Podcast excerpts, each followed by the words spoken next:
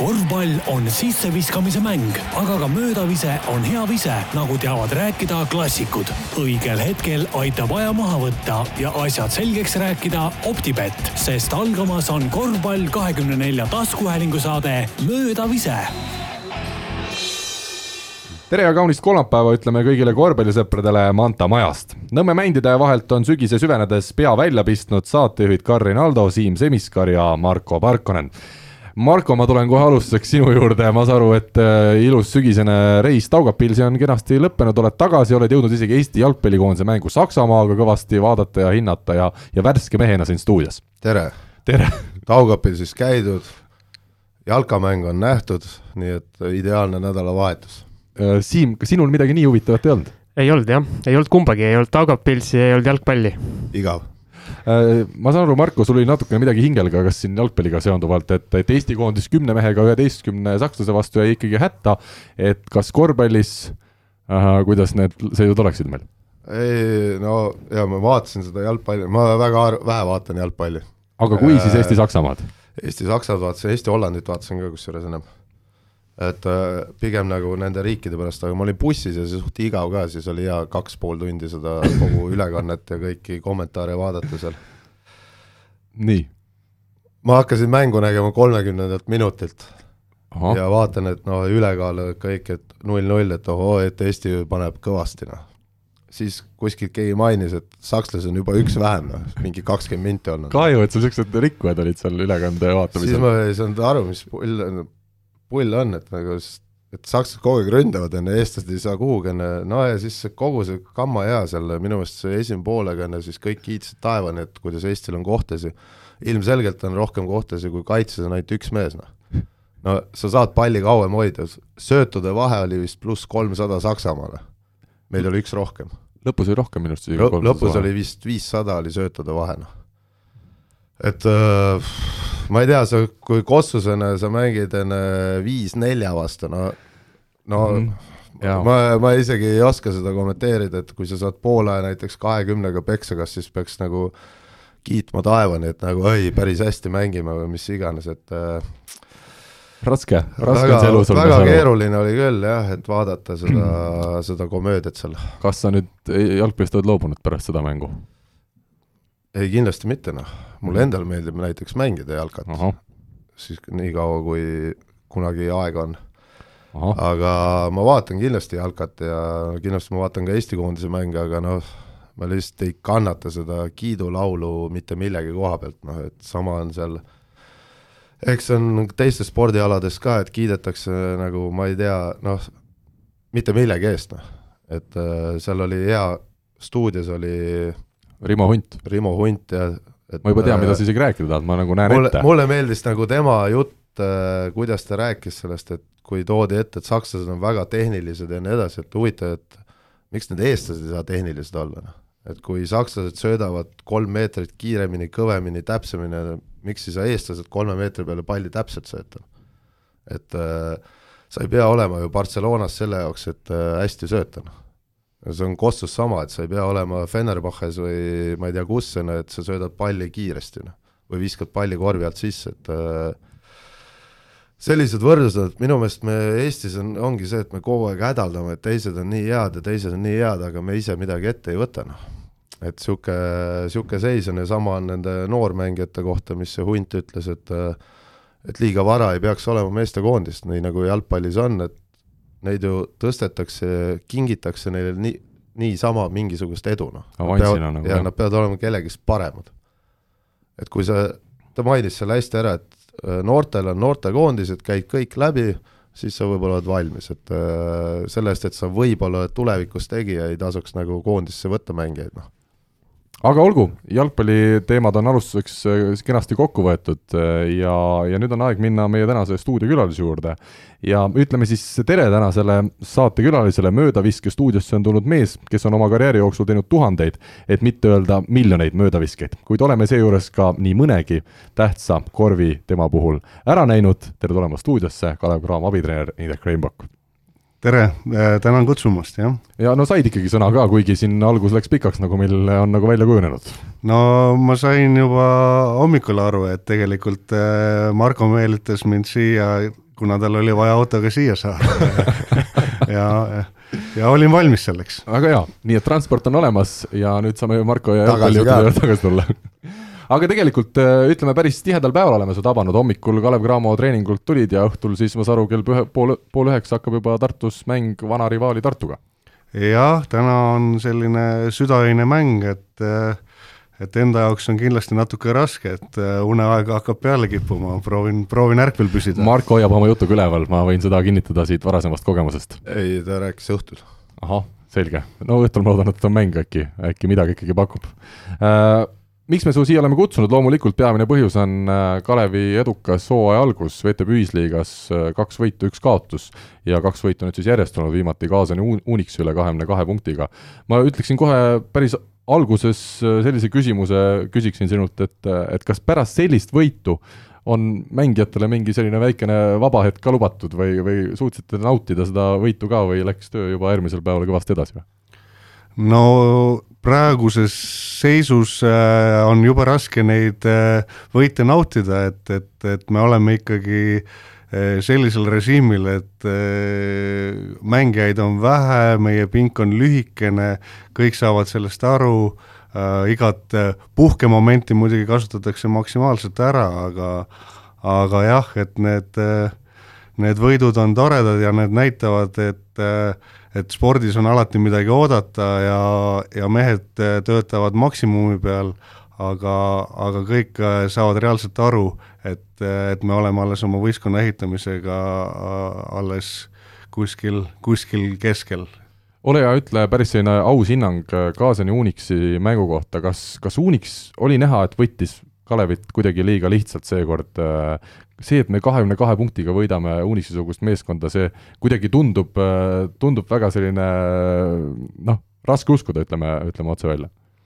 No kindlasti äh, Unixit äh, ja sedasama Unixit selle äh, Kreeka treeneri käe all vaadates äh, on olnud tegelikult selline kuidas ma siis ütlen, märk, et kui, kui nad äh, tulevad nõrgemate võistkondade vastu, siis, siis nendel on olnud äh, keskendumise nii-öelda probleeme ja, ja kindlasti me oleme ka eelnevatel kordadel ja sellel korral oma mänguplaani ehitanud üles sellele, et et äh, nii kui keegi meie vastu natukene kehvema häälestatusega tuleb, siis me proovime seda kindlasti karistada ja ja, ja sel-, selles mängus läks ka palju muid asju täppi, läks, läks taktikaliselt väga hästi plaan paika ja, ja ka mängijad, kes, kes mängisid enda sellise äh, maksimumtaseme välja, neid oli, neid oli mitmeid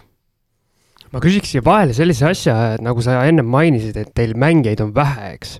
Et kas see on nagu nii-öelda treeneritel võib-olla isegi natukene niisugune positiivne asi, et sa ei saa nagu vahetustega liiga palju eksida, kui sul ei ole piisavalt mehi, et väljakule saata?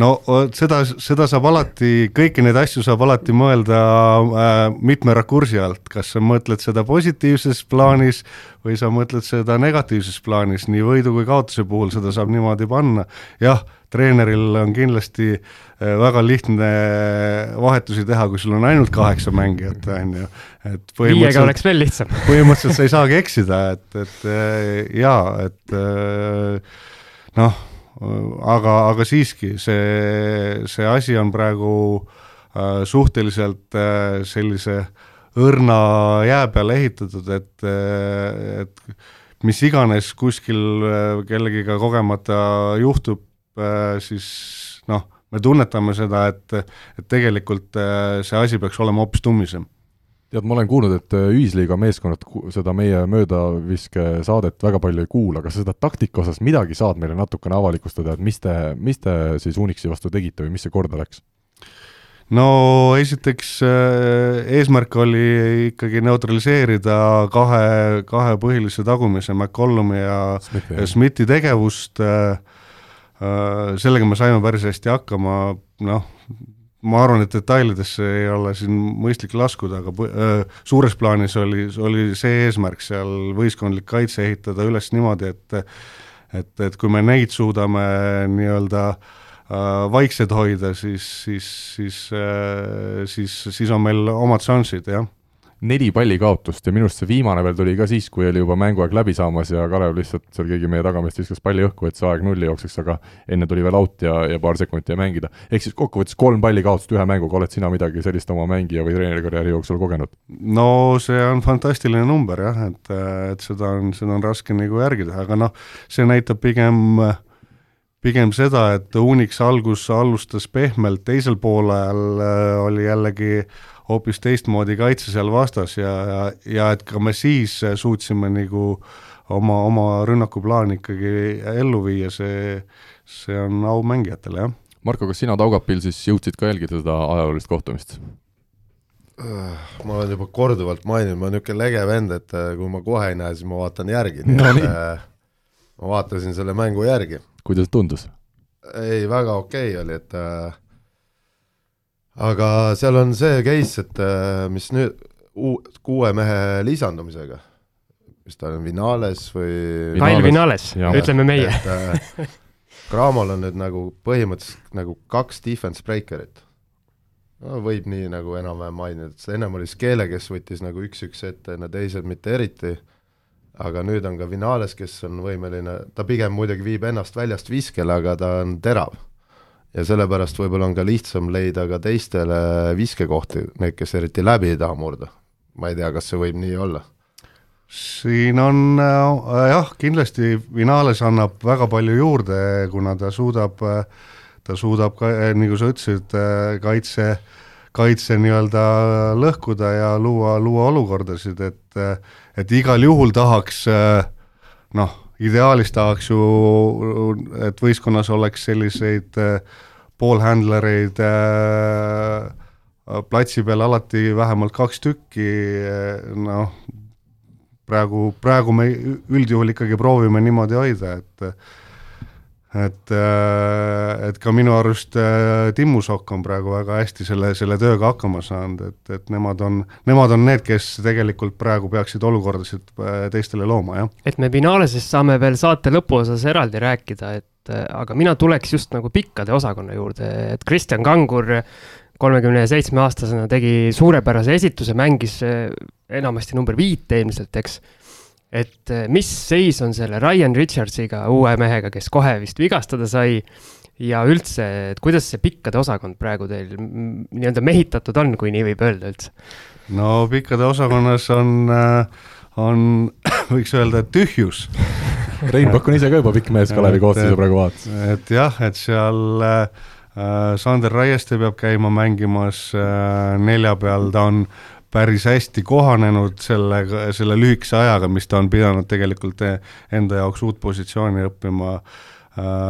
Noh, nagu ennem sai mainitud, et et igat asja saab erineva rakursi alt võtta, et kui meil paneme oma neljad viisi mängima, kindlasti on see vastasele väga ebamugav, sest sest väga palju mängitakse nii-öelda kolme, kolme punkti joone taha, nii-öelda popitakse äh, mis on omakorda see, selline, selline kaitse, mida on, on aeglasematel ja hästi pikkadel, ülipikkadel pikkadel nagu keeruline lahendada, see on see, see pluss, mis sellega kaasneb, nüüd jõudes Ryan Richardsini, siis äh, täna õhtul äkki ikkagi Tartu vastu on võimalik teda näha, et et ta vigastas oma säärt, Äh, tehti uuringud, äh, praeguse seisuga tundub, et, äh, et noh, sellest vigastusest me saime kiiremini lahti, kui, kui algselt karta oli, et saab näha, kindlasti on temal ka vaja veel aega, et jõuda nagu mängulisse vormi, aga, aga ma arvan, et Tartu vastu on tal väga hea alustamiseks hea lihtne mäng alguses. sa mainisid ära, et tehti uuringud, et kas, kas siis nagu oli ka midagi viga, sest et äh, eelnevad aastad, äh, võtame siin kas või viie aasta jooksul, on neid uuritud, neid äh, välismängijaid kogu aeg, et kogu aeg kellelgi on midagi viga, aga uuringud nagu näitavad, et tegelikult ei ole midagi viga, et ma olen kuulnud, Almeidat siiamaani uuritakse. et see, et et nagu kas tema puhul siis oli või, või mis, mismoodi see nagu käib, noh? No äh, eks äh, seal alati sa ei näe mängija sisse ja, ja lõppkokkuvõttes äh, kui, kui mängija ütleb, et tal on midagi viga, on ju, siis siis on sul kaks varianti, kas sa usud teda või, või paned lennupileti lauale, on ju, et et praeguse seisuga on alati nagu vaja doktorite poolset kinnitust, kuidas seis on, sellega sa saad aru lõpuks ka mängija iseloomust, sul on võimalik siis hakata mingisuguseid nuppe seal tugevamini vajutama, kui selgub, et, et tegemist on nii-öelda väikse, väikse viiliga aga ma poolnaljatamise ütlen, et äkki teil on vaja hoopis niisugust vaimude väljaajajat või kedagi, sest tundub, et tuleb välismaalane ja kohe on vigane, tuleb järgmine välismaalane ja kohe on vigane. ei no see saadaks lihtsalt odavamalt kätte, need vigased. Aga miks see vigastus just siis, kui ta lennukilt maha astub, et siis kohe murrab oma jala ära et...? kliima no üldjuhul jah, et praegu, praeguse seisuga me oleme noh, me oleme väga palju pikkasid läbi sõelunud ja, ja üldse, kellega me leiame, leiame nii-öelda kokkuleppepunktid, need on üldjuhul ikkagi millegipärast turul saadaval te saate aru, et, et see on, need on riskiga ostud ja ja, ja meie ülesanne on siis need vennad siin üles putitada enda jaoks. Ma igaks juhuks Siimule ütlen ka, see vaimude väljaaja ja nii edasi, et kunagi, kas see võis olla kuus aastat tagasi, oli Žalgirises, oli, oligi nagu nõid, kes ütles nagu treenerile kõike ette, et umbes, et mitu minutit keegi vahetab, põhimõtteliselt treeneril oli paber taskus, et olenemata seisust, kolmandal minutil ta võtab selle välja, paneb selle sisse ja nii edasi. oota, Žalgirises või? jaa, ja, ja aga olgem, kokkuvõttes võib öelda niimoodi, et äh, no see nõid ei olnud päris selgeltnägija, nii et see hooaeg ei läinud neil eriti hästi ka. Siimul, Siim-Sander Venel need mänguminutid jäidki siis tegelikult või uh,? Siim vist võis isegi olla seal satsis, et ma ei ole kindel, kas ta oli seal satsis või ta oli juba välja renditud, aga ühesõnaga üks Kreeka treener oli, mul ei tule praegu see nimi, aga seal oli seal mingi nõia teema seal. ilmselt seal Siimul jäid siis need lambad veristamata sellele nõiale, et aga kuna me juba rääkisime siin natukene meeskonna komplekteerimisest, ma tuleks täiesti suve keskpaika, ehk siis sellesse aega, kui Kalev orienteeruvalt oma tänavust meeskonda hakkas komplekteerima. ole hea, Indrek, ütle, millised need võimalused nüüd võrreldes eelmise aastaga oli, me teame, et see eelarve ei olnud Kalevil tänavu päris nii suur nagu eelmisel hooajal, kas see nüüd tähendas konkreetselt seda, et kui eelmisel hooajal hakati, ütleme, vaatama neid mängijaid, eelkõige siis välismaalt, ütleme kategooriast, ma ei tea, kuus-seitse, ütleme suvalise numbri, siis tänavu oli see number, ütleme kolm-neli, ehk siis see mänguklass ja mängutase ja see ka hind oli selgelt madalam kui eelmisel aastal mängima, mängijaid otsima hakates äh,. Jah, selles suhtes äh, meenutades nüüd äh, seda suve ja eelmist suve, siis jaa, eelmisel suvel kindlasti mängijate värbamisega alustati varem, kuna peatreener oli paigas Äh, sellel aastal peatreeneri värbamine ju ka selgus alles äh, suve sellises äh, alguse järgus, et, et ütleme niimoodi, et see tegutsemine hakkas üks, üks kuu aega hiljem, et kindlasti on see point, mis jättis, mis jättis jälje, teiseks, teiseks jah, omanike poolt juba varem tehtud otsus, et et äh, komplekteerime natukene teistmoodi, värbame võimalikult palju hea tasemega eestlasi, siis, äh, siis kindlasti alguses tehti tööd eestlaste värbamisega, küll kõrvalt juba vaikselt jälgiti välismaalasi ka, aga, aga esime-, esimene selline äh, fookus oli eestlaste peal ja siis, kui eestlaste tuumik oli nii-öelda kokku saadud, siis, siis selle järgi hakkasime vaatama, millist tüüpi välismaalasi meil vaja on ja ja, ja siis, siis me olime juba turul selles seisus, kus kus äh, käis kõva sagimine ja, ja jah, et oli, oli juba raskem. Praegu hetkel Graamos on siis, peaks olema üksteist meest nimekirjas või? kaksteist vist? niimoodi on, üksteist on praegu, jah. üksteist, kümme ja siis äh, vigastatud Richard oh., King Richard. aga ja plaanis on juurde tuua üks Pla, kaks, kolm. plaanis on äh, äh, plaanis me vaatame tegelikult äh, ikkagi kahe pika suunas äh,, sest noh äh,, selg-, selgub, kuidas meie toimetamised Ryan Richardsiga välja nägema hakkavad, äh, äh, igal juhul vaatame praegu kahte pikka, kas need kaks jõuavad siia ükshaaval kahekaupa vigastatuna, mitte vigastatuna. vigastatuna, mitte vigastatuna, selle, seda peaks nõidade käest küsima, jah.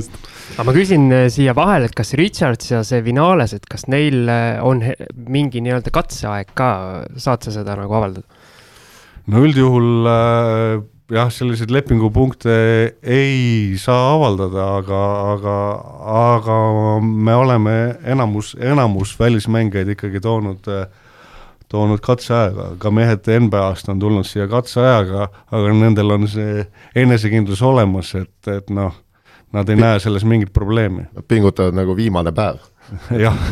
Ja ma, ma küsin sult sinult kui treenerilt sellise, sellise küsimuse, et millal nagu sinu silm ära näeb, et kui see välismängija tuleb teil trenni, millal sinu silm ära näeb, et see mees sellel tasemel välja ei vea, et ma küsin seda sellepärast, et ma käisin, see eelmine tagamängija Antino Jackson, kes teil oli, käisin pikka intervjuud tegemas ja nüüd vist võib öelda, et siis sa nii-öelda mitteametlikult mulle tol hetkel ütlesid, et see vend ilmselt, ilmselt välja ei vea sellel tasemel. sul oli õigus, sama sa ütlesid selle pika kohta, kelle te ära saatsite.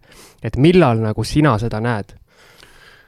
no üldjuhul äh, väga hea tasemega mängijad äh, annavad kohe aimdust, millised kvaliteedid sul olemas on, et kui tuli, kui tuli Arnett Moultri või, või tuli Tony Roten, siis sa said nagu aru, et nad ei ole nagu heas mängulises konditsioonis, aga nendel olid kõik äh, põhioskused olemas, nendel oli olemas äh, mängu lugemine, mängust arusaamine äh,, ja, ja kiire õppimisvõime, et, et, et need omadused sa nagu näed kohe ära. Ja, ja üldjuhul, kui, kui tulevad äh, sellised äh, so-so vennad, äh, kellest noh, kellest sa nagu ootad väikest arenguhüpet, siis, siis sa annad ikkagi nendele mingisugused võimalused, sa näed läbi mängude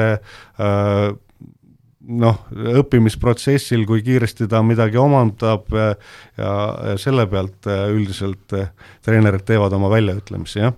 Ja seda teemat jätkates mind huvitab see ka, et kui te nüüd äh, nii-öelda treeneritega otsustate selle mingi mehe ära saata, kes selle uudise nagu talle teatavaks teeb ja, ja kas, kas seal tekib mingit sihukest ka, et see mängija läheb endast välja või hakkab või, seal, jah, hakkab süüdistama nii-öelda treenerit, et, et ei jaga midagi või midagi sellist või on mingi pidulik tseremoonia, kõik yeah. istuvad laua taha, avatakse. lennujaamas on pikk laud. no, eralennuk. no see ei ole niimoodi, et staff äh, tuleb kokku ja viskavad näppe ja Lehismets tavaliselt läheb seda ütlema, on ju. et, et äh, üldjuhul, üldjuhul äh, see peaks olema ikkagi GM-i töö, sest tema, tema sõlmib lepingu, tema lõpetab lepingu, kindlasti peatreener räägib omad, omad jutud sinna juurde, et sel-. Kaarel Sibul siis on ja kas Kaarel Sibul sellepärast oli tusane on minu arust hooaja no, alguses. eks, eks see on tema ülesanne raske, raskeid uudiseid edastada. aga kas sa tead, kas ta saadab sõnumi või ta helistab? no eks vaata ta... öeldakse, kui tüdrukut maha jätad, ka alati tuleb helistada või kokku saada, mitte sõnumit. no vot, ja sellepärast ongi Markol nii, nagu on, jah. Goodbye kirjutatakse eks ta, tal on erinevaid võtteid, kuidas ta seda teeb. lülitab telefoni aga välja. nende mängijate puhul, kas, kas on nii ka, et nagu mängijad tulevad siia, siis teevad üks-kaks trenni ära, ju, siis sa näed nagu nende kehakeelest, et nad on nagu noh, vaatad, et oh, kuhu ma nüüd sattunud olen, et äh, nad kas arvavad või nad on tasemelt head mängijad, no näiteks toome kas või need eelmise aasta Moultri ja ju, aga nad vaatavad nagu ülejäänud kaadrit, on ju, siis mõtlevad, et kurat küll, et ma olen umbes NBA-s loksutanud, ju, siin mingi kolm aastat, ju, nüüd tulen siia kuhugi Eestisse, lörtsi sajab, ju, keegi auto, keegi autoga mind ära ei vii, on ju, ja siis on, hakkab seal võib-olla nägusid tegema, aga siis katseaja lõpus on ikkagi ta võtab ennast kokku, kuna tal on lepingut vaja. Noh.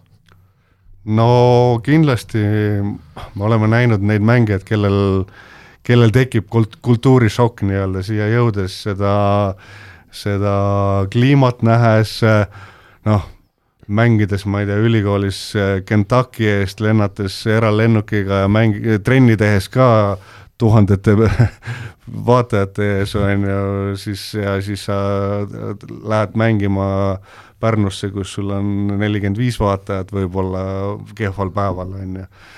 Äh, aga, aga üldjuhul ikkagi noh, ma ütleks niimoodi, et äh, spordimeestel, kes, kes spordiga elatist teenivad, on äh, on olemas selline seikleja hing, et, et, et nad kohanevad suhteliselt ruttu ja, ja nad on tulnud ikkagi siia mängima, et see on, see on noh, see on see, mida nad tahavad teha ja ülejäänud, mis seal kõrval on, see on teisejärguline, jah. aga ma küsiks sama küsimuse natuke teise nurga alt, et kui palju on neid välismängijaid, kes tulevad siia ja saavad ise aru, et nende tase nagu ei kannata seda ja siis ütlevad nagu enam-vähem juba ise, et kuule, et okei okay,, coach, et ma ei ole selle taseme mees. mul muidugi tundub, et kõik, kõik ameeriklased, kes lennukilt maha astuvad, arvavad, et nende järgmine samm on NBA siit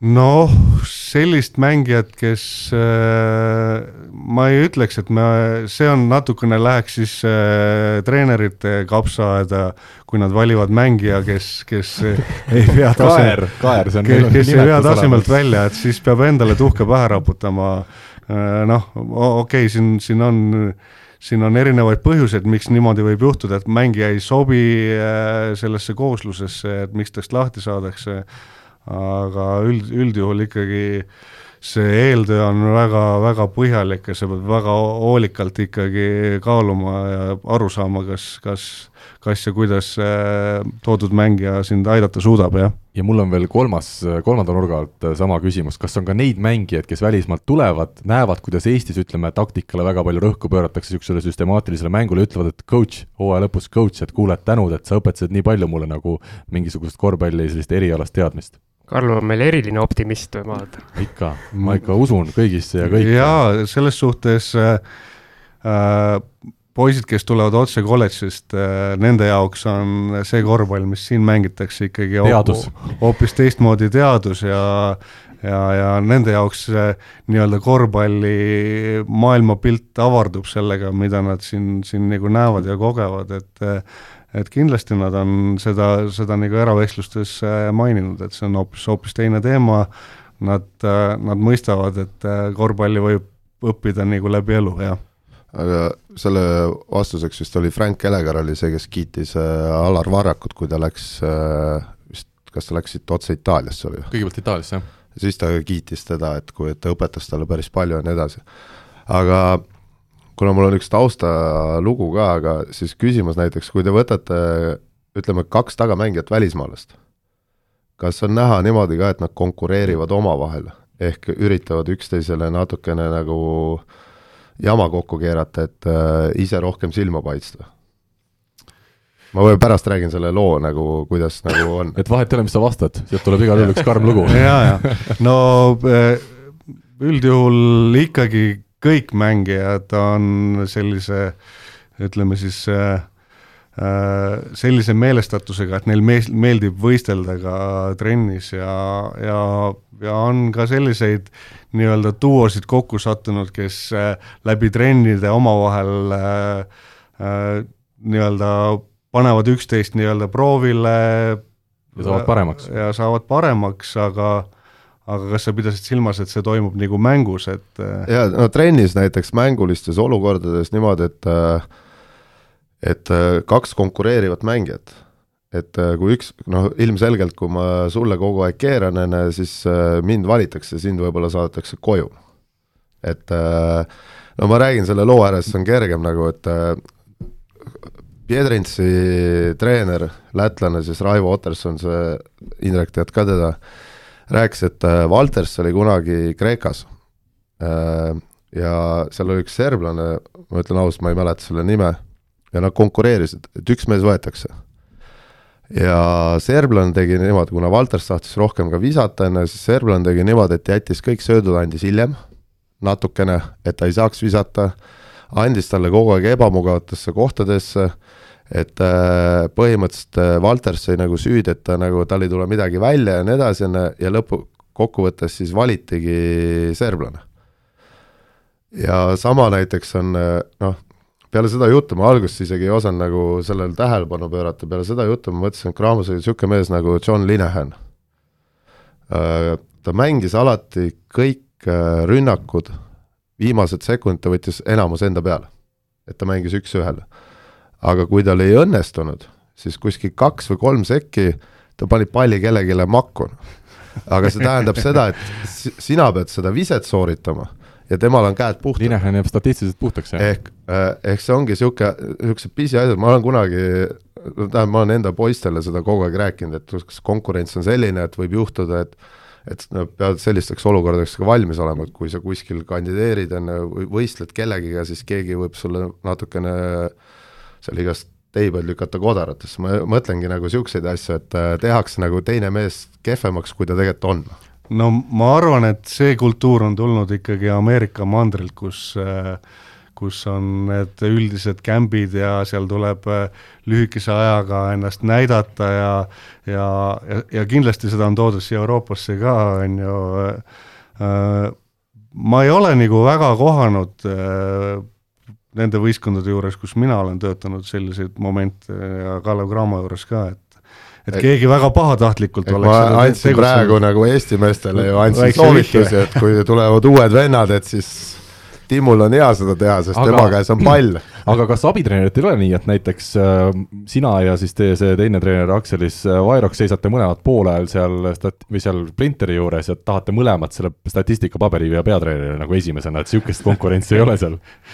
no üldjuhul, äh, üldjuhul on tööd omavahel ära jaotatud, sest see, see võistlusmoment ja see ajaraamistik, mis seal mängus on ja see infovahetus, see, see peab käima nagu kellavärk, et, et üldjuhul need asjad on ennem kokku lepitud, kes, kes mida teeb, kes ku, kuidas teeb, et, et jah. selge, ma tuleks tagasi, kui, või Marko tahab veel küsi ära. küsin ära, äh, selle suve juurde tagasi tulles äh, ja nende mängijate valimise juurde, sa ütlesid, et võeti see eesmärk, et proovime võimalikult palju häid Eesti mängijaid saada. kas ütleme, need Eesti mängijad, kes täna Kalevis mängivad, on ikkagi hinna poolest natukene madalamal kui need, ütleme, välismängijad, keda tänasel päeval Kalev endale otsib ja, ja jahib, või nad on juba seal suhteliselt sarnases klassis? Mm, no ma ei, äh, mul ei ole volitust rääkida hindadest, äh, et numbreid ma ei küsi. et see, ei, Eesti mängijate äh, palgatase on minu arust väga okei okay ja need, need mängijad, kelle me siia saime, et need on väga, väga head mängijad, et, et nad, nad on võimelised kõik, kõik ka välismaalt kuskilt lepingut saama, et kui me suutsime neid Eestis hoida, siis tähendab seda, et ilmselt äh, nad said kokkuleppele ikkagi äh, suhteliselt normaalselt. Äh, veel üks küsimus, Toomas Linamäe ja Ivar Valdma on tänuväärset tööd teinud siin aastaid Kalevi eesotsas. kuidas nende tänane see roll on jaotunud, kes neist siis rohkem nii-öelda meeskonnaga igapäevaselt seotud on?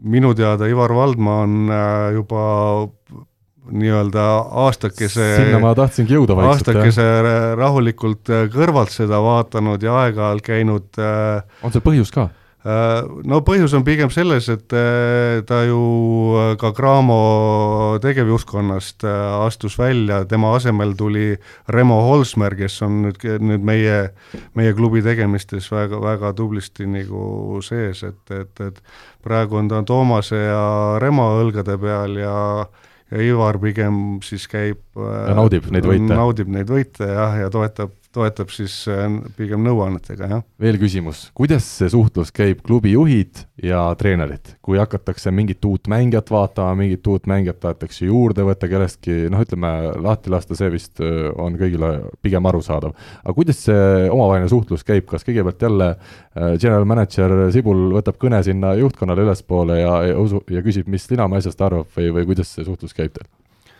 No üldjuhul jah, kui ikkagi läheb äh, nii-öelda tähtsateks äh, sõlmimisteks, siis äh, GM äh, annab sellest äh, omanikele ka teada, et, et sealt, sealt oma, oma, oma kinnitus kätte saada, jah, et ja kui, kui on, kui on tegemist näiteks sooviga siis äh, kuskilt midagi ekstra saada, siis siis, siis alati jah, treenerid äh, käivad vaibal nii-öelda oma, oma soove presenteerimas ja kaitsmas. kas rohkem öeldakse jah-sõna või ei-sõna sealt ülevalt, kui tahetakse midagi, ütleme, mingit lisakäiku saada juurde? no see oleneb, et äh, ei ole statistikat pidanud selge, Marko? see kas Krahmos on ka niimoodi olnud, nagu siin Eestis äh, osades väiksemates klubides, et äh, treenerid saavad teada, et äh, vend on kohal et et tere tulemast! jah, et et näed, et me tõime teile uue venna, et noh, proovige seda ka.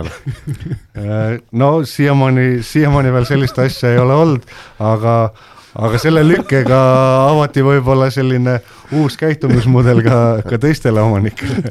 GM helistab sulle, et kuule, Indrek, et äh, sa lähed trenni Kalevis, et käi lennujaama kaudu mine, et seal peaks üks mees ootama, noh. võta see ka, et proovige. no äh, olles ise äh, olnud äh, Tallinna Kalevi treener kunagi aastaid tagasi, siis, siis siis mul oli kogu aeg see, see nali Varrukast, et et me oleme bussijaamale, treenime nii lähedal, et et teinekord buss seal bussijaamas peatub ja vennad tulevad, astuvad saali, küsivad, kas kas nad saavad trenni kaasa teha ja, ja äkki siis sa leiad sealt mängija, et. mul tuli just sihuke pilt ette, mingi harrastustiim koguneb kuskil septembris ja pooled on uued näod ja siis küsitaksegi, mis su nimi on ja kus sa mänginud oled ja noh. sama võiks olla Kalevis, eks ole, jah.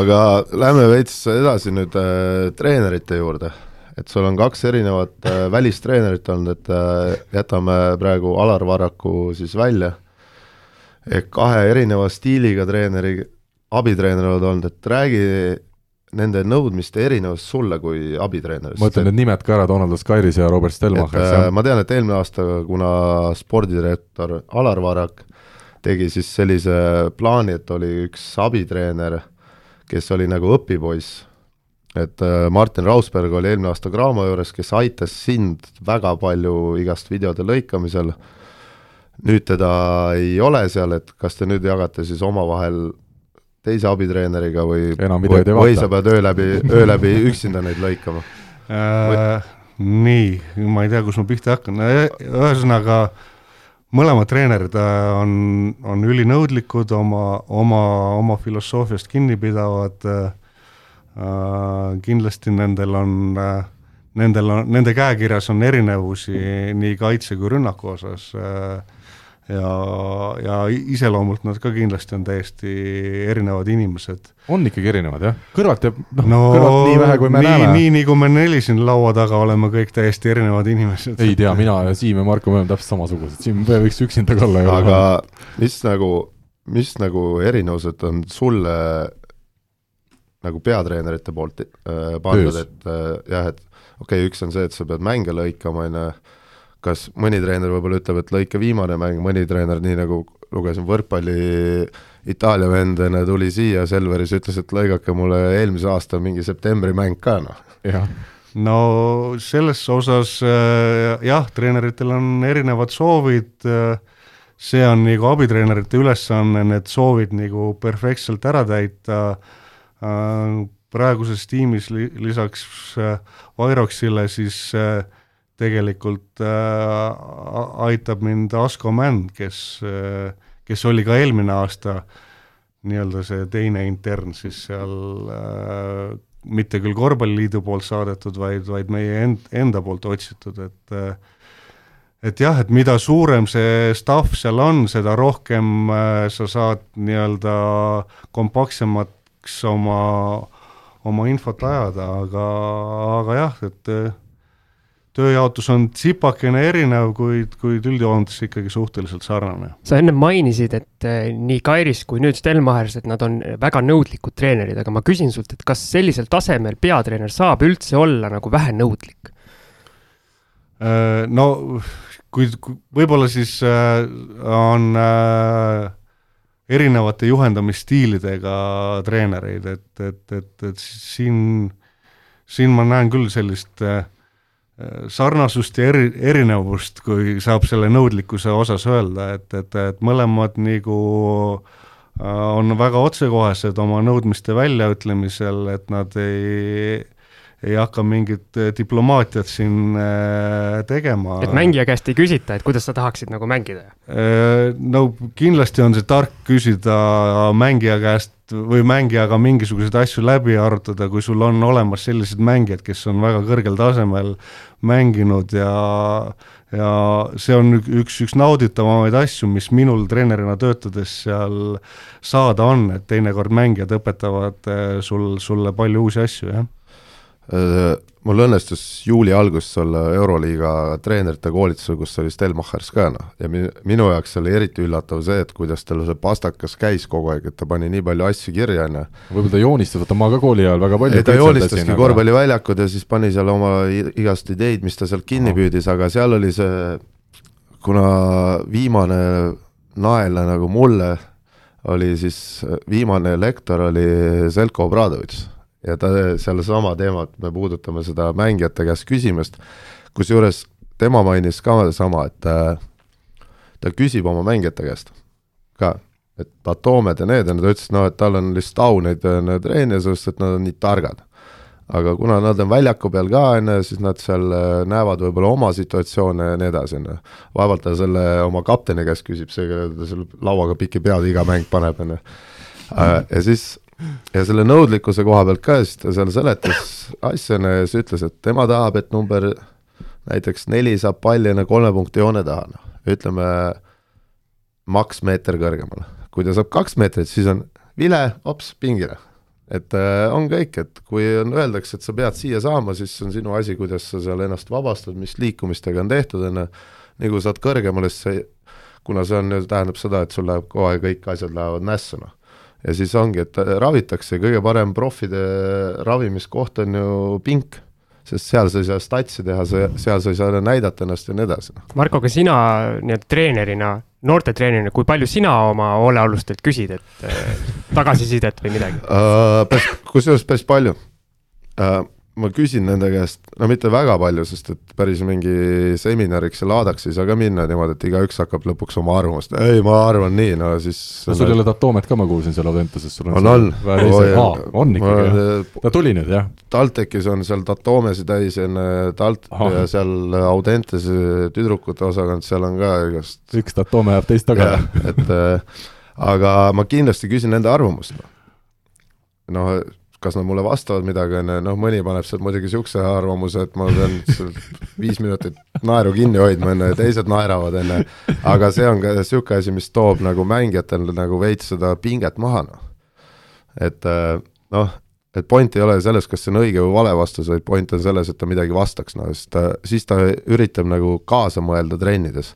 ja ma tean, et kunagi Martin Orbek ütles ka, et miks, et äh, ta on Graamos sellepärast, on ju, isegi kui ta ei saanud mängida, no nüüd ta on nagu ennast mänginud aastatega rotatsiooni, aga et kuna seal on nii head mängijad, välismängijad, et need õpetavad teda nii palju, et siis oli see MacLeod või noh, Duncan MacLeod on ju see surematu. Et äh, kuna ta oli NBA, NBA-s mänginud, on ju, siis ta oli lihtsalt nii kiire, kellega Martin pidi harjuma, kes võttis põhimõtteliselt Martinilt kõik, kõik pallid ära, aga ta ütles, et ta õpib nii palju, et see, et ta ohverdab pigem selle ühe hooaja kuskil Eesti klubis mängimise, et saada selle vennaga trenni teha, noh. et ja ma arvan, et ilmselgelt need, kes on kõrge korvpalli IQ-ga palju käinud, on ju, siis nende käest sa õpid tegelikult päris palju, noh. ja seda enam, et erinevate treenerite alt, noh jah, ma tuleksin äh, Stelmachersi juurde selles suhtes tagasi, et äh, ma ei tea, palju siin Indrek saab ja tahab rääkida sel teemal, aga Marko võib-olla kõrvalt jälginuna oskab öelda, millist mängu siis Stelmachers viljeleb ja kas sa näed siin mingeid selgeid erinevusi ka võrreldes Kairisega? nii. nagu ma ütlesin, esimene saade, rotatsioon on lühem. et äh, viimane kord oli kaheksa meest said väljakule, okei okay,, pandi kaks, kaks noort pandi veel lõpus, ju, ja nüüd ongi nagu oota, Kalevis on mingid noored ka või? jah said vaata stats läbi. et, äh, et kaheksa mehega ja nüüd me jõuamegi siia lõpuks tagasi, et kui ei tule uusi mehi juurde või midagi, siis kaheksa mehega, vaata nende koormus hakkab ju kasvama, täna mäng, järgmine mäng on vist esmaspäeval. jaa, nii on jah. et koormus kogu aeg kasvab, on ju, ja nii ta läheb, noh. selle jaoks on meil äh, olemas kuldsete, kuldsete südamete ja kätega füsiood, kes äh, kes äh, mehed korda sätivad, jah. ma mõtlesin, et ise väljakule lähevad et äh, ei, see on kindlasti lühikese rotatsiooniga mängimise selline äh, ohupool, et, et, et äh, et vigastuste oht kindlasti on, on suurem, et kuna osadel on koormus, koormus suurem, aga samas seal on ka nagu plusspoole, poolt, et, et paljud saavad Äh, läbi suuremate minutite ikkagi leiavad oma enesekindluse ja leiavad oma mängu, mida on hoopis raskem teha, kui sa käid seal neljaminutilist äh, setti tegemas, jah. see ongi see, et kuna ma hooaja alguses ütlesin, et Raieste võiks olla eestlastest üks äh, punktiliidreid niinimetatud või vähemalt ma loodan, siis tänu sellele, et ta mängib praegu kaitses nelja või peab pikki katma, siis äh, ta saab ka rohkem mänguaega, kui tal oleks seal kogu aeg konkureerib nende kahtede ja kolmedega no kõrvaltvaatajana. ja siis ta nopibki oma punktid sealt ära. see on ideaalne, sest teda katavad ju vastaste neljad või viied vastane samamoodi, aga ta tegelikult ju positsioonilt on kaks-kolm.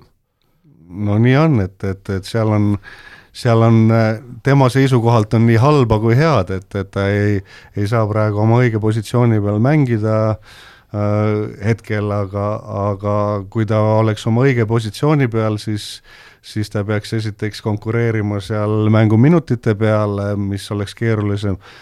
Äh, ja mängides nüüd äh, positsioonist väljas, siis põhimõtteliselt on minutid äh, piiramatud, et tuleb nii palju, kui torust tuleb.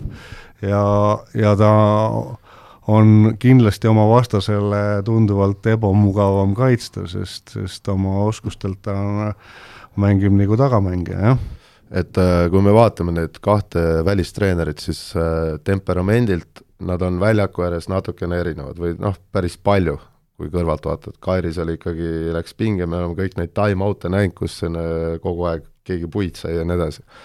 aga mulle meeldis see, et mis näitabki selle Stelmachersi nagu seda nõudlikkust, et no vähemalt kõrvaltvaatajana, ma ei tea, mis nende sisetaktika oli, siis äh, Raieste tegi päris okei okay mängu seal võib-olla üks-kaks korda eksis sellena, aga kui Stelmachersi nina alt Raiest hoidis palli ja tal löödi pall käest ära, siis kohe taustaks oli näha, kuidas Stelmachers võttis ta ette, kuna Raamo tegelikult sai palli tagasi, viskas korvi sellest ja mingi paus oli, siis ta näitas kohe, et hoia palli kinni ja liiguta ja mitte nii, et annad palli ära või mingi niisugune kehakeel oli, et kohe pani puid talle selle eest, et ta ei olnud nagu valmis, noh mulle niisugused asjad meeldivad lihtsalt, ma pean selle ära mainima. no need on need nii-öelda detailid, mida siis, mis, mida treenerid nõuavad ja ja kindlasti on, praegu on selles suhtes äh, tore aeg töötada, et äh, äh, minu arust mehed, mehed ise nagu tahavad ka väga palju, et, et kõik, kellega tehakse individuaalset tööd äh,, teevad seda täie pühendumusega ja, ja lisaks, kui on olnud nii-öelda äh, vabatahtlikud trennid, siis, siis äh, noh, teinekord on tundunud, et see see oleks nagu jälle võistkonnatrenn, et kõik on seal praktiliselt kohal, jah. tead, mul on selline küsimus, eelmisel aastal ma mäletan, kui Kairis tuli, oli tal peamine sõnum see, et peame kaitse korda saama, et siis hakkab ka muu mäng tulema. ja lõpuks tegi Kalev sellise hooaja, kus keskmiselt igas mängus meie viskasime üle saja ja vastased viskasid üle saja, no päris nii ilmselt nüüd ei olnud, aga ühesõnaga väga suureskoorilised mängud olid. täpsustan, Kairis tuli üle-eelmine aasta hooaja keskel. jah, no ühesõnaga eelmine... tee, tee nagu asjad selgeks. jah, teen järgmiseks korraks teen selgeks. aga ühesõnaga eelmine aasta kujunes lõpuks ju nii välja, eks ole, et et äh, mida rohkem punkte viskab või noh, kes rohkem viskab, see võidab, et meil ei olnud see nüüd meeletu selline surume vastase alla, mängime madala tempoga ja, ja vastasel ei lase punkti visata. kas sa oled nõus selle mõttekäiguga? no ei, tegelikult kui seda lahata, siis, siis äh, ma arvan, et me tegime äh, eelmise peatreeneri all trennis kaitsetööd, kaitseharjutusi, kaitse ülesehitamist äh, tunduvalt äh, rohkem kui rünnakut ja ja, ja see kaitse selline filosoofia oli ikkagi päris agressiivne äh, versioon sellest ja see omakorda nagu kiirendas mängutempot, kiirendas mängutempot ja sellest, äh, sellest tuli ka suured skoorid, õnneks meil oli piisavalt relvi, et, et ise ka olla nagu hea, hea skoorimasin, et, et et selline jah, võib-olla oli siis kokkuvõte. palju see eelmisel ja siis ka üle-eelmisel aastal Kairise käe all õpitud asjad, palju need on nüüd see aasta edasi läinud, kas või seesama kaitsemängu õppimine, olete te nagu jätkanud neid samu mingeid plaane ja suuniseid või on siin tulnud täiesti nullist nii-öelda uus mees peale ja oma mõtetega? no ma ikkagi ütleks, et see iga treener ikkagi paneb omad omad äh,, omad äh, nii-öelda reeglid paika, et, et, et see, see aasta tuli uue, uue juhendajaga harjuda, kindlasti mingisugused äh, vanad head harjumused, mida nagu sisse harjutati äh,, noh, proovin siis proovivad mängijad ja proovin mina nagu meelde tuletada, et need, need on tegelikult need head harjumused, mis, mis iga treeneri käe all peaks, peaks e-, edasi jätkuma a la kaitses, kaitses rääkimine igal momendil, asendites püsimine, kõik sellised detailid, millega palju vaeva sai nähtud, on ju, see ei tähenda seda, et tuleb uus treener, et siis siis, siis need, need asjad ei oleks nagu enam olulised, ikka on olulised, jah mm. -hmm, selge, nii, Markol oli küsimus ja mul on niisugune küsimus, et kolm aastat äh, Graamo abitreener, kuhu edasi? väga äkiline küsimus juba. nii, ootame vastust. või nagu, mis siis äh, plaanid on nagu ütleme, lähitulevikus või? kas tagasi mängima või siis peatreeneriks ikkagi lõpuks? no ei, ma juba suvel äh, oma, oma selliste heade nõuandjate seltskonnas äh, ole, olen, olen maininud, et, et, et äh, ma olen õnnelik, et ma saan äh, nii-öelda selle, selle taseme juures töötada praegu, hetkel, hetkel olen väga rahul, et ma saan seal olla. noh, kuhu edasi, kunagi ei tea, alati on mingisugused, mingisugused uksed võib-olla sulguvad, lähevad teised lahti kindlasti on endal ambitsiooni teha samm edasi, aga seda, seda näitab aeg, millal sul on peatreenerina ka selles mõttes kogemus olemas Eesti kõrgliigast, et kui suur tegelikult see töö erinevus on peatreener ja abitreener, et on see nagu väga põhimõtteline vahe? no on, on, pea, peatreenerina ikkagi äh, tuleb neid unetuid öid äh, hoopis rohkem, sest äh, vastutus. selline vastutus, vaimne surve, see on, see on, see on tohutu, et et tuletades isegi seda meelde, kui äh, kui Varrak oli haige ja, ja saadeti te, väga kiirkorras äh, peatreeneri kohustusi täitma ja, ja seal teine poolaeg läks untsu, siis, siis oled sa tänaseks mõne öö saanud juba? siis, siis äh, sel, sellel momendil ma kohe järgmine hommiku tunnetasin, kuidas üks, üks öö on vahele, vahele jäänud, äh, kuidas see nagu lihtsalt kõik ketrab peas, mida, mida nagu või võiks, oleks saanud, võinud, võinuks teha teisiti, et need peatreeneril, peatreeneril kindlasti on see vaimne surve on hoopis, hoopis suurem kui abitreeneril, aga abitreeneri osa nagu peatreeneri abistamisel noh, selles osas on ka nagu tegelikult olemas, jah. aga ühes aspektis sa tundud justkui olevat Cramo peatreener ja see on see, et viimased kaks pool aastat on meil olnud välistreener ja pärast mänge ja siis vahepeal pigem kutsutakse igale poole stuudiosse ja kommentaare andma sind, et nii-öelda eesti keeles saaks suhelda, et tunnetad sa seda? niisugune meediakuru, Kalev Cramo meediakuru, meediamaskott, ma ei tea, kuidas seda nimetama peab no ilmselt, kui seal oleks äh, teisi Eesti treenereid, võib-olla siis käiksime kordamööda jaa, aga ei. Äh, jah, kindlasti see on lihtsam ju kohe selgitada eesti keeles, äh, mis, mis toimub ja kuidas on ja jah, et see on, see on nagu võistkonna värk ikkagi. ma küsin ka seda, et eelmisel aastal, kui meil olid siin kaks äh, leedulast, siis nad olid omavahel väga head sõbrad, eks ole, peatreener, abitreener. kuidas tänavusel aastal on, meil on, eks ole, lätlased siin, kas nemad on ka omavahel väga palju vabal ajal koos või üritavad nagu treenerid ka vabal ajal kõik siis ütleme koos vaba aega veeta või? või, või olla täiesti eraldi eelmine aasta oli ameeriklane, leedulane ja eestlane. üle-eelmine aasta oli aeg lendab, Karl. aeg lendab kiiresti. mul jäi see eelmine aasta jäi vahele, tead, kuidagi no äh, üldjuhul äh, eks ta on ikkagi hästi palju ninapidi koos istumist, et me praktiliselt äh, noh, ma võiks öelda, et ma oma naisega teinekord suhtlen vähem päeva jooksul, kui ma suhtlen treeneritega ja, ja ja meil klubil on veel selline äh, situatsioon, et et välistreenerid elavad praktiliselt äh, kõrvuti korterites, noh et kui neil omavahel äh, öösel kell kolm saab suhkur otsa. kolm suhkur saab otsa, siis, siis ikkagi astutakse läbi ja ja kui sa suhkrut küsima lähed, siis kindlasti sa hakkad korvpallist rääkima ja siis tullakse hommikul otse trenni. aga leedu keele sa õppisid selgeks selle poole aastaga kas äh, nüüd on juba läti keel ka? nüüd on läti keele kursused, et äh, telefon, telefonis on lätikeelsed sõnad äh,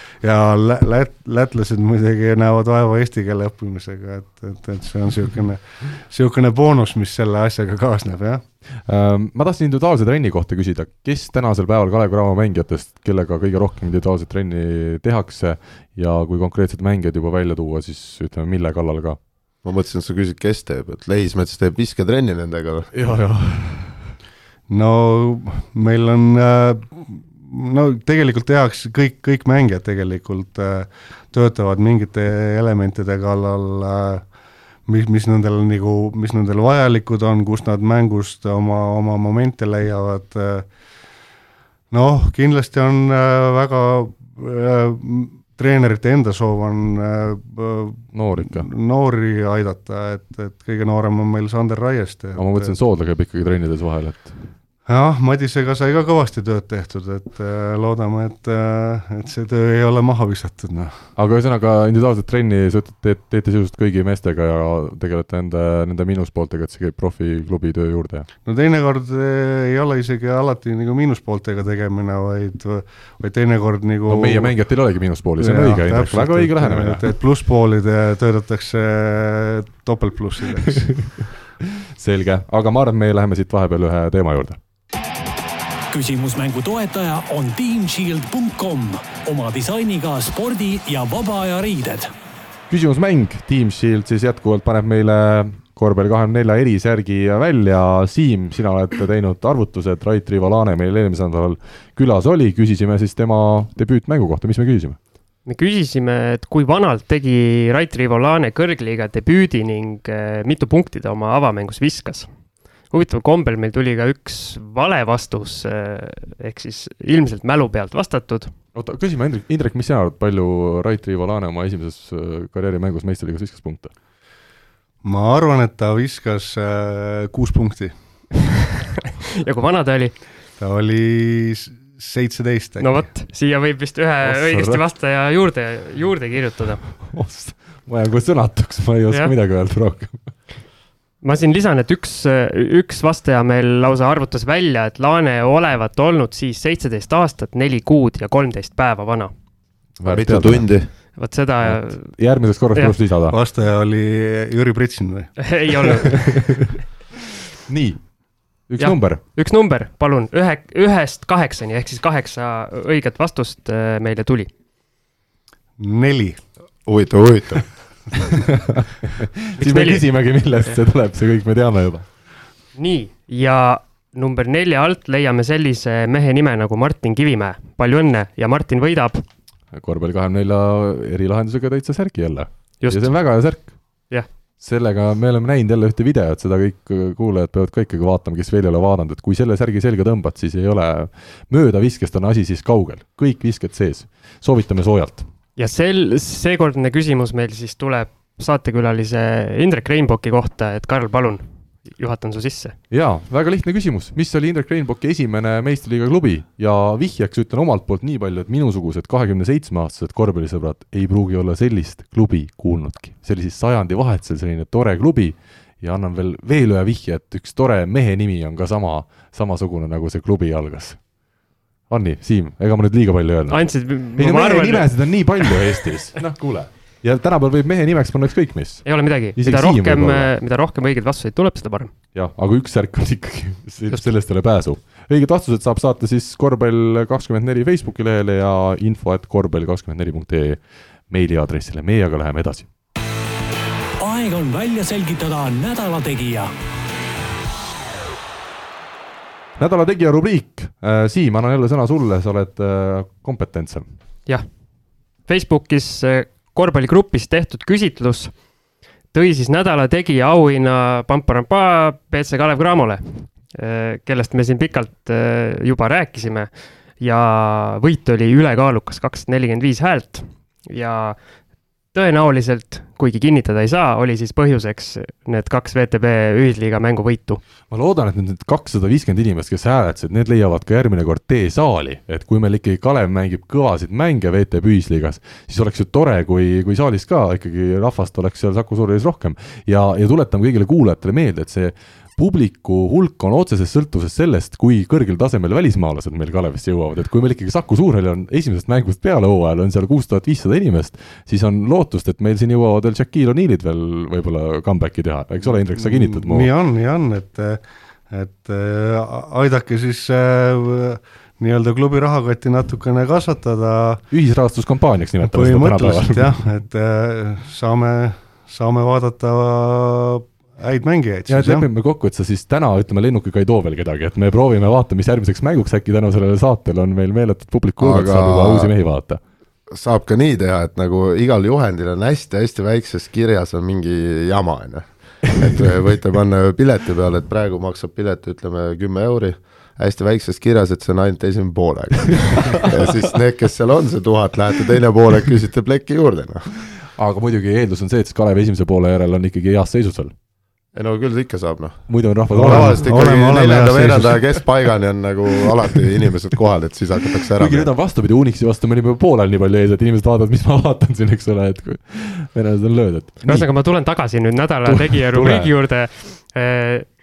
teise koha sai meil Rakvere Tarvas, kes ma arvan, paljudele üllatuslikult hetkel Eesti-Läti liigas eh, on siis kolmest mängust juba kaks võitu ma ei saa aru, kogunud. kuidas see üllatus on, meil on niisugune No- mees nagu Rain Veidemann meeskonda vedamas, teised mehed ka ümber ei ole tundmatud no mina mehed. mäletan neid jutte hooaja algus, kui sai selgeks, et Tarvas sealt esiliigast ikkagi edutatakse. ära käi naistega saunas, räägi, helista mulle oli jutt, et kui Tarvas saab ühe võidu tabelisse, siis on hooaeg juba õnnestunud. kes see rääkis seda, kus, kus siuksed, ma tahaks ka tulla teinekord, saaks naerda kõvasti.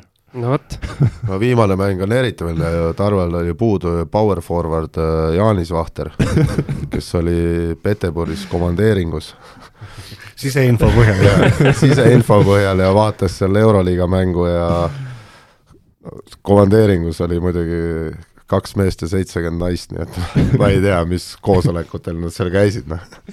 aga Rakverest rääkides, et äh, mis me ütleme siis praeguse seisu kohta, et äh, Marko, sina väga huvitavalt enne hooaja algust ütlesid, et neil on väga palju selliseid äh, mehi, kes tahavad ise visata, punkte tuua, kuidas sulle nüüd hooaja alguses tundub, ega me siin väga palju neid mänge ei ole saanud ju vaadata, kuna ülekandeid väga palju ei ole Rakvere mängudest toimunud, kui üldse. väga palju ei ole jah, et Ühtegi. äh, põhimõtteliselt kodumängus pole ühtegi olnud.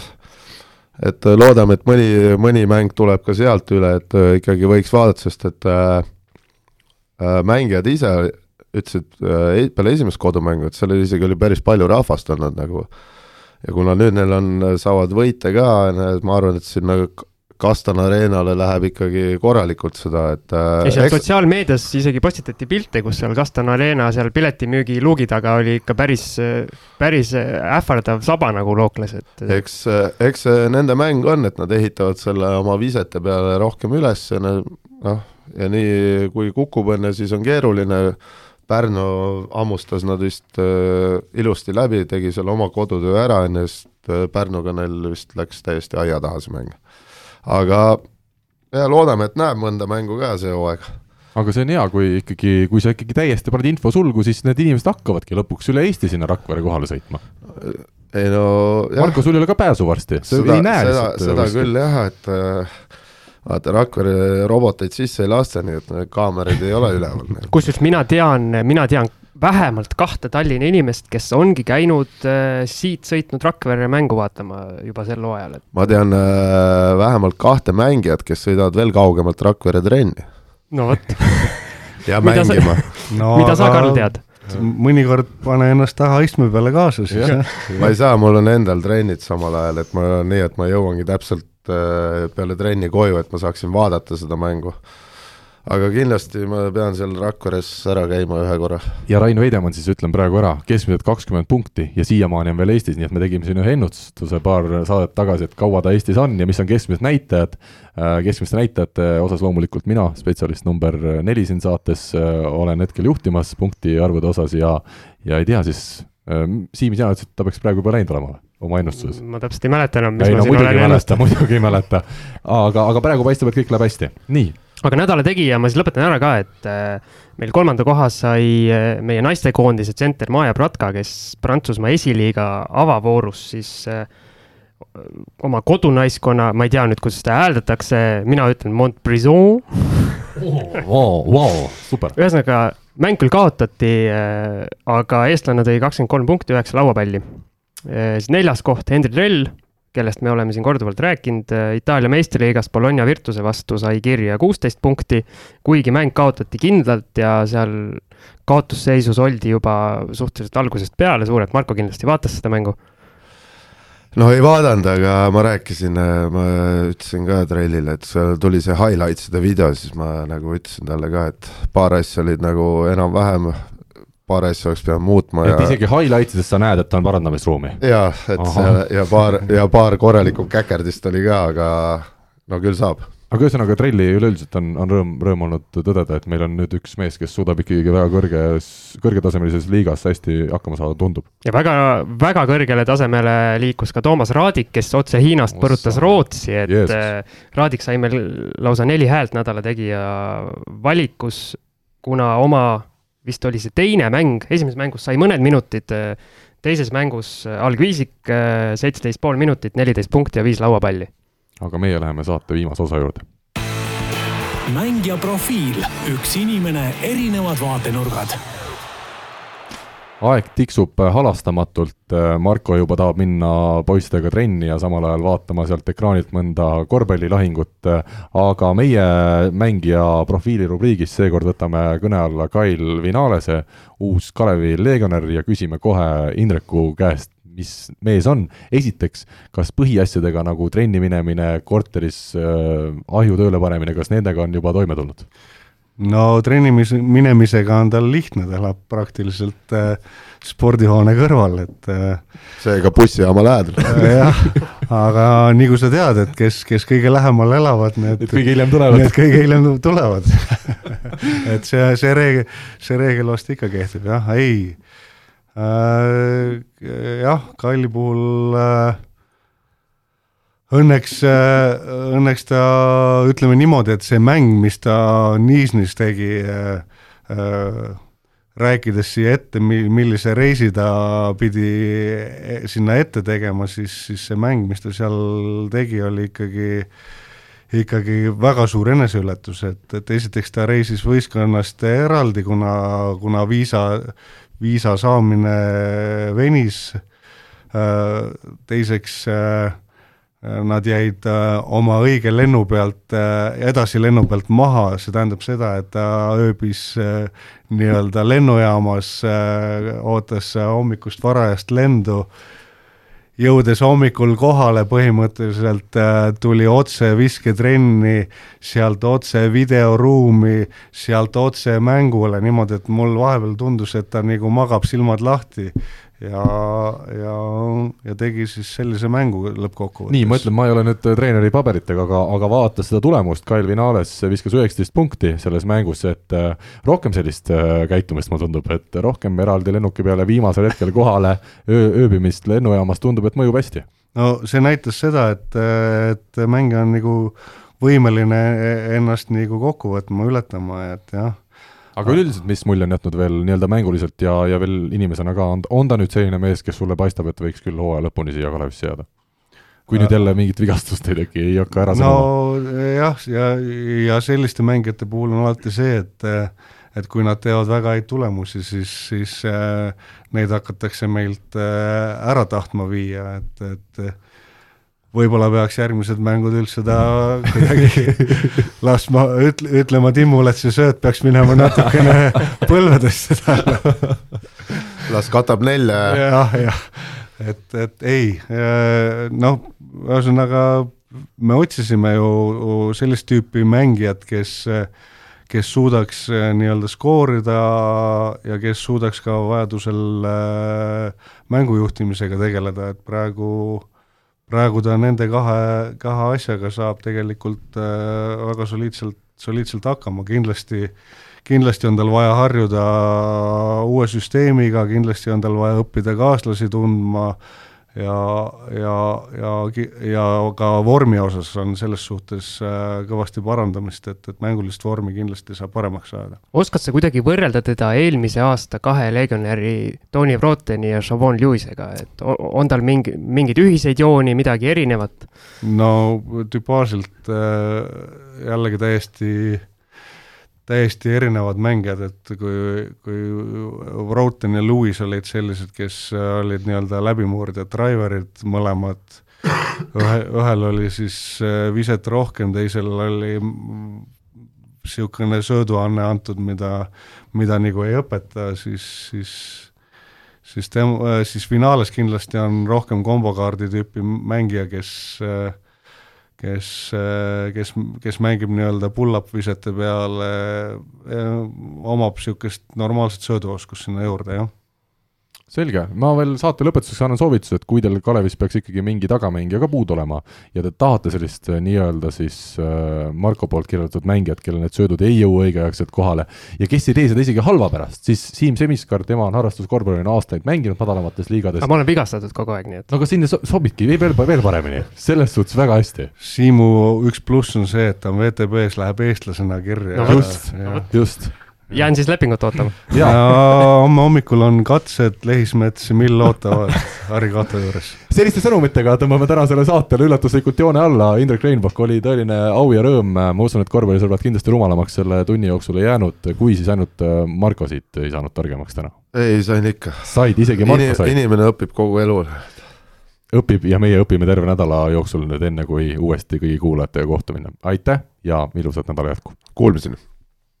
Nägemist